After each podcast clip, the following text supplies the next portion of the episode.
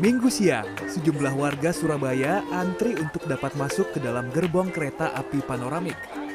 Gerbong kereta ini merupakan hasil inovasi Balai Yasa PT KAI Daop 8 Surabaya, Jawa Timur. Para pengunjung diberi waktu selama 10 menit untuk melihat suasana di dalam gerbong kereta api. Gerbong kereta panoramik memiliki jendela kereta yang lebih luas, Bak akuarium raksasa, penumpang bisa melihat pemandangan di sepanjang rute perjalanan dengan lebih puas karena ukuran jendela yang lebih besar daripada biasanya. Jendela pun juga bisa dibuka tutup secara otomatis.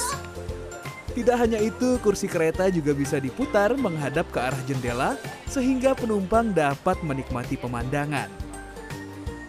Uh, ya ini merupakan suatu inovasi yang sangat bagus ya dari PT KAI Indonesia jadi kita akan bisa lebih menarik uh, selain warga Indonesia mungkin warga luar negeri juga untuk berwisata dengan kereta panoramik ini.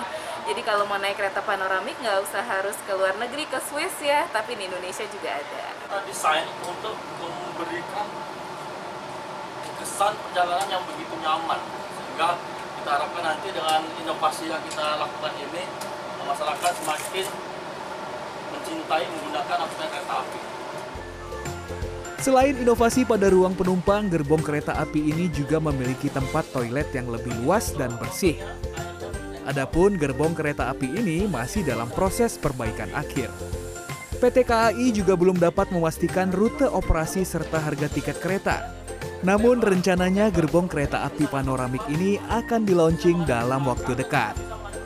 Tribroto Purnawanto, Surabaya, Jawa Timur.